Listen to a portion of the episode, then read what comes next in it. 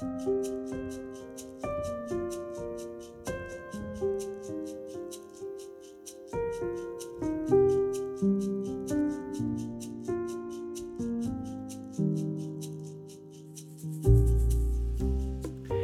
semesteret har vi voksne i bymenigheten planer om å utforske de samme bibelfortellingene som barna i gudstjenester, grupper og på hjemmebane. Å være sammen med Ordet har mye til felles med det å være sammen med barn. Vi voksne får hjelp til å bevare nysgjerrigheten, og vi blir minnet om at Guds rike dypest sett bare kan tas imot i tro og tillit. For den som gjør seg selv liten som dette barnet, han er den største i himmelriket. Barn er like forskjellige seg imellom som vi voksne er. De er skapt forskjellige, med utallige variasjoner. Kanskje er det slik at når Jesus sier at vi skal bli som barn igjen, så er det oss selv vi må bruke som referanse. Hvordan ville jeg ha hørt denne bibelfortellingen som åtteåring, eksempel? Hva ville ha vært mine spørsmål da den enda var ny og ukjent. Sjansen er ganske stor for at noe har skjedd med oss underveis. Mye av det kalles modning og vekst, og det er helt nødvendig i et åndelig liv. Men noe av det kan være å i økende grad måtte ta ansvar for eget liv og søke kontroll over det som ikke alltid lar seg kontrollere. Tar vi ansvar for mer enn vi kan og skal? Noe av det kan være å erstatte tillit med en skepsis som mer og mer sår tvil om Gud og Hans ord egentlig er det som det gir seg ut for å være. Noe av det kan handle om at vi i økende grad gjør Bibelen til et objekt som vi kan holde på armlengdes avstand og analysere med akademiske briller. At vi i liten grad lar ordet være et gjenstand for tilbedelse, undring, tillit kanskje nysgjerrighet og lek. Kjenner du deg igjen i noe av dette?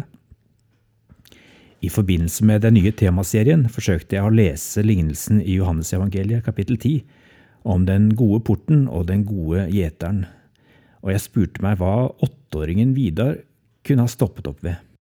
Sannelig, sannelig, jeg sier dere, den som ikke går inn til saueflokken gjennom porten, men klatrer over et annet sted, han er en tyv og en røver, men den som kommer inn gjennom porten, er gjeter for sauene.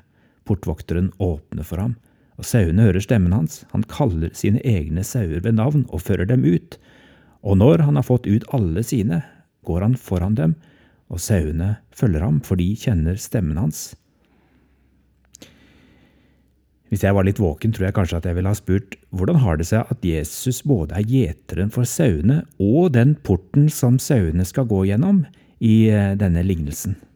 så kunne kanskje mitt svar vært ja, huff, her gjør Jesus det vanskelig, han burde ikke blande bilder på denne måten. Jo, kunne åtteåringen ha svart, men han er jo Gud, så han kan jo være flere steder på en gang, så han kan jo både være en port og en gjeter på samme tid.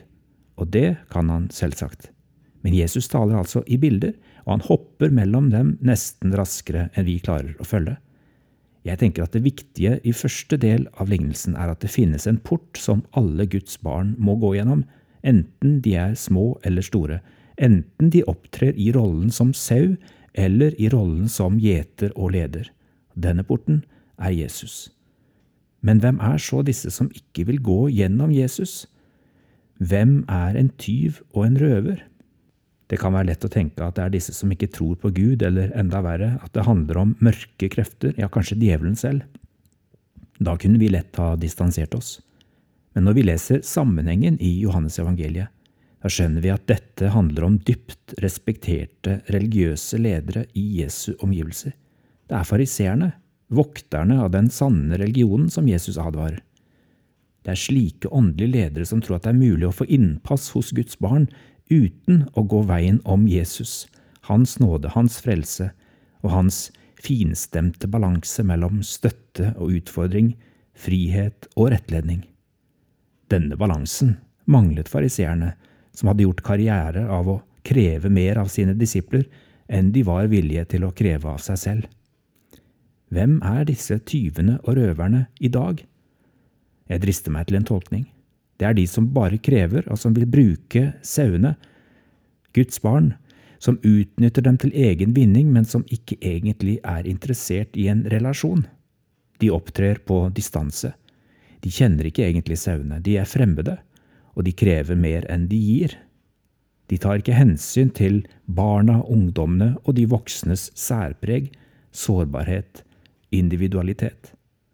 Jeg vil ikke sette navn på bevegelser eller kirkesamfunn, for dette kan like gjerne være en vennlig korreks til sider av min egen tjeneste.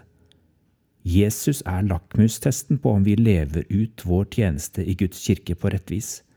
Derfor trenger vi alle, uansett rolle, enten vi er foreldre, tanter, onkler, besteforeldre, prester eller lærere, vi trenger selv å gå gjennom Jesus og fylles av Han hver gang vi skal nærme oss Guds barn.